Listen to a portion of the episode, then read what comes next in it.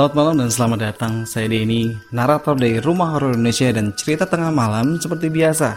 Menyambut kalian teman-teman yang mau datang untuk mendengarkan sebuah cerita horor untuk teman bobo kalian di malam hari ini. Dan cerita horor kita untuk malam hari ini berjudul Nyaris Mati Tenggelam. Selamat mendengarkan. Kisah ini diceritakan oleh Pak Gatot tetanggaku di kampung. Kejadiannya dialami oleh anaknya yang bernama Seno yang hampir menjadi korban tenggelam di sungai yang berada di dekat desa di mana ia ikut program KKN dari kampungnya. Kalau tidak salah dengar, di suatu desa yang berada di daerah Kulon Progo, DIY, Yogyakarta. Bisa dikatakan lokasinya sangat terpencil, sehingga kalau dia mau telepon lewat handphone harus mencari daerah yang agak tinggi, semacam bukit untuk bisa mendapatkan sinyal. Ya, kejadiannya memang di sekitar tahun 2010-an. Seno bersama beberapa temannya melaksanakan KKN di desa itu selama tiga bulan.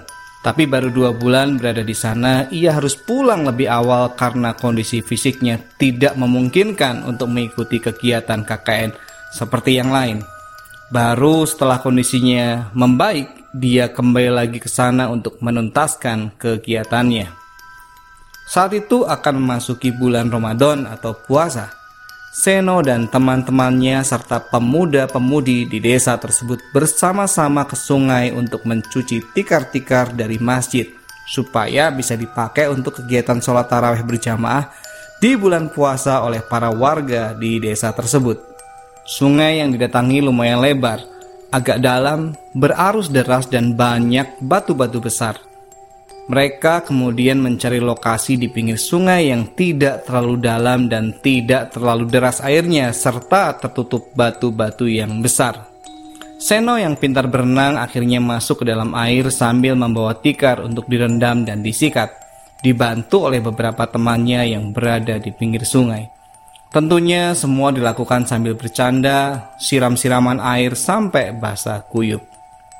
Tak jauh dari lokasi Seno berada, sekitar 10 meteran agak ke tengah sungai, ada semacam pusaran air yang berputar cukup kencang. Seno dan yang lainnya juga mengetahui hal tersebut, jadi mereka tidak berani terlalu ke tengah untuk mencuci tikar.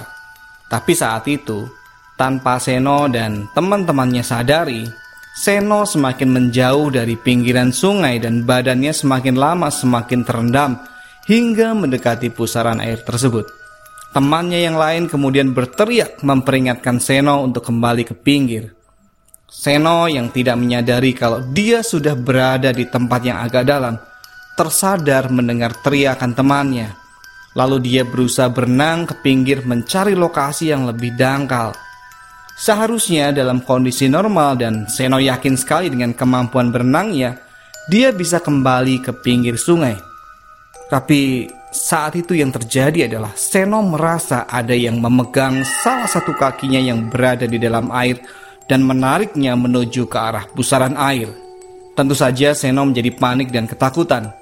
Dia berusaha mengayuhkan kedua tangannya bergantian dengan cepat Kedua kakinya menendang-nendang air dengan keras, mencoba untuk melepaskan diri dari cengkraman tangan di dalam air dan melawan derasnya arus air.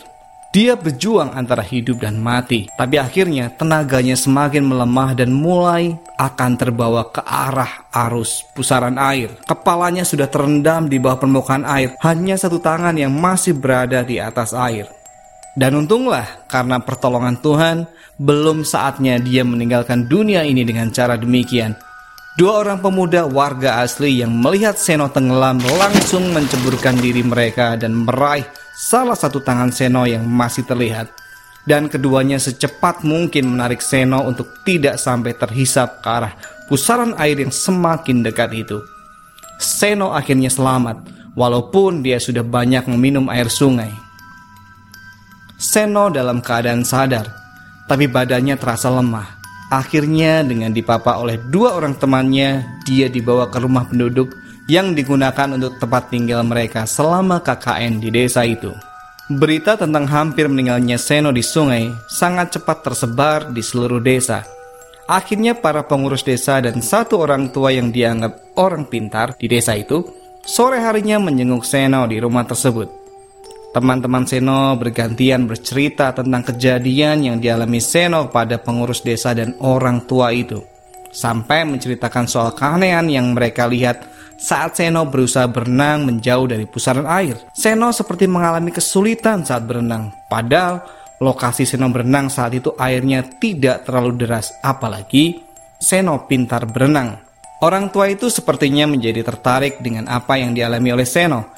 Dia kemudian bertanya kepada Seno, apa yang sebenarnya terjadi pada dirinya. Seno yang awalnya tidak mau berterus terang, terpaksa menceritakan yang sebenarnya. Jadi saat Seno mulai berenang, terasa ada tangan yang memegang salah satu kakinya, dan kemudian berusaha menariknya ke dalam air. Seno berusaha agar kepalanya tetap di atas air, tapi karena tenaganya sudah habis dan tak berdaya, akhirnya dia pun masuk ke dalam air. Saat di dalam air, ia mencoba melihat siapa dan apa yang memegang dan menarik kakinya. Secara samar-samar karena keruhnya air, dia seperti melihat ada sosok orang sedang berada di dalam air. Kepalanya manusia, tapi badannya bersisik seperti ikan. Saat mulai kesadarannya hilang, tiba-tiba ada yang menarik tangannya dan kepalanya keluar dari dalam air. Saat itulah cengkraman pada salah satu kakinya dilepas oleh sosok yang ada di dalam air itu. Dan kemudian sosok tersebut menghilang dalam keruhnya air. Usut punya usut, ternyata daerah yang ada pusaran airnya tersebut memang dianggap cukup angker oleh warga di sana. Apalagi kalau hendak berenang atau mandi, Sebenarnya pemuda-pemudi di sana tahu kalau lokasi itu memang agak angker. Tapi karena memang niatnya bukan untuk berenang, melainkan hendak mencuci tikar dan agak jauh dari lokasi pusaran air, mereka pikir tidak perlu melarang Seno dan teman-temannya untuk mencuci di sana. Wah, nak Seno itu beruntung sekali bisa lepas dari siluman ikan itu dan bisa ditolong sama dua pemuda warga kami. Tapi selain itu ada yang membantu menjaga kamu juga yang mengusir siluman itu dan akhirnya melepaskan cengkeramannya di kakimu, kata orang tua itu setelah selesai bermeditasi. Seno menjadi agak bingung karena mendengar kalimat terakhir dari orang tua itu soal ada yang ikut menjaganya dan membantunya terlepas dari siluman ikan itu. Akhirnya dijelaskan oleh orang tua itu kalau garis keturunan keluarganya dia termasuk cucu dari orang yang suka prihatin. Maksudnya Memang almarhum kakek buyut serta kakek Seno juga memiliki kemampuan spiritual dan senang berpuasa. Jadi ada semacam penjaga gaib atau kodam atau apalah yang diperintah oleh kakeknya untuk menjaga keluarganya, termasuk Seno, walaupun dia tidak tahu menahu soal itu. Orang tua itu kemudian mengobati Seno agar keadaannya menjadi lebih baik dari sebelumnya, walaupun itu hanya sedikit membantu kondisi Seno. Pak Gatot dan keluarganya juga diberi kabar oleh salah satu teman KKN Seno dan segera mereka memutuskan untuk menjemput Seno dan dirawat di rumah saja. Tentunya seizin kampus. Selama seminggu lebih Seno diperiksakan ke beberapa dokter tapi kondisinya masih lemah dan tidak menunjukkan adanya kesembuhan. Hingga akhirnya Pak Gatot mendapatkan kunjungan dari Pak Leknya atau Om gitu ya yang punya kemampuan olah batin atau kemampuan spiritual dan setelah mengetahui keadaan Seno yang masih lemah, Pak Le kemudian mengobati Seno. Dan syukurlah Seno kondisinya berangsur-angsur pulih dan membaik seperti sedia kala. Setelah kembali sehat, Seno kemudian pamit kepada keluarganya untuk kembali melanjutkan KKN di desa itu sampai selesai waktu yang telah ditentukan. Ya begitu tadi teman-teman cerita horor kita untuk malam hari ini. Terima kasih karena kalian sudah mendengarkan sampai akhir. Sampai ketemu lagi di cerita horor berikutnya.